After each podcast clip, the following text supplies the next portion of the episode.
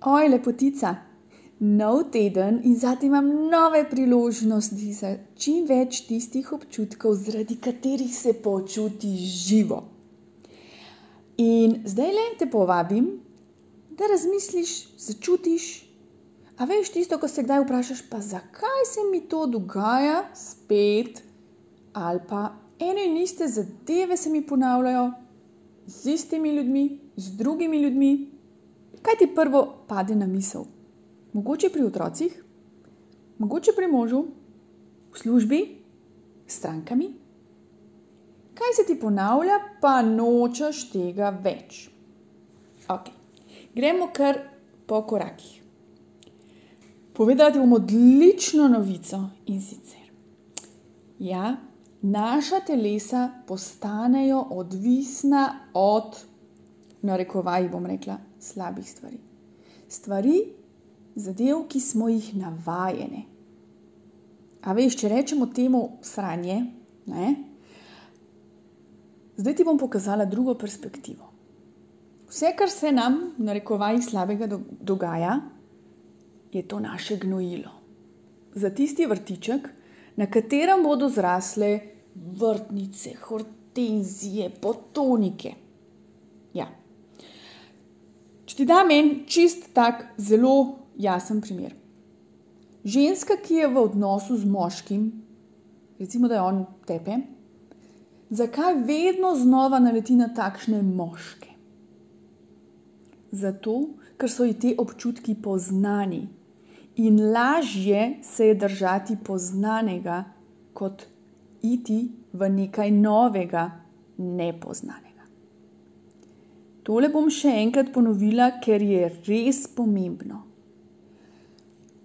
Naša telesa se rajši držijo varnega, poznanega, če tudi je to slabo za nas, kot nekaj novega, nepoznanega.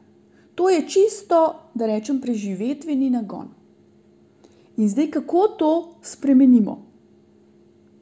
Zdaj, jaz sem šla te zadeve raziskovati, ker me vedno zanima ozadje, kakšne raziskave in takšne zadeve. In je do mene prišla zelo zanimiva raziskava. Dejansko naše telo postane odvisno od takšnega sranja. Dejansko se v našem telesu tvorijo molekule, te čustvene molekule, In naše telo jih želi znova in znova podoživljati.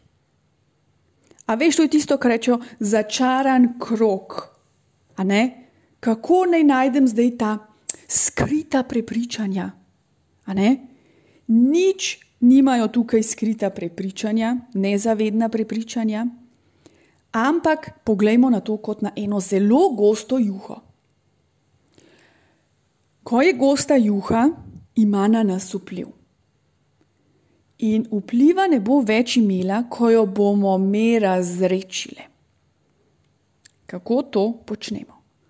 Vsakič, ko opaziš, da se ti, ah, spet se mi to ponavlja, spet se je to zgodilo, narediš stop, to opaziš z vsemi orodji iz prejšnjega tedna, stop, to nič ne pomeni. In ti dejansko z mini kozarčkom takrat razrečiš to juho.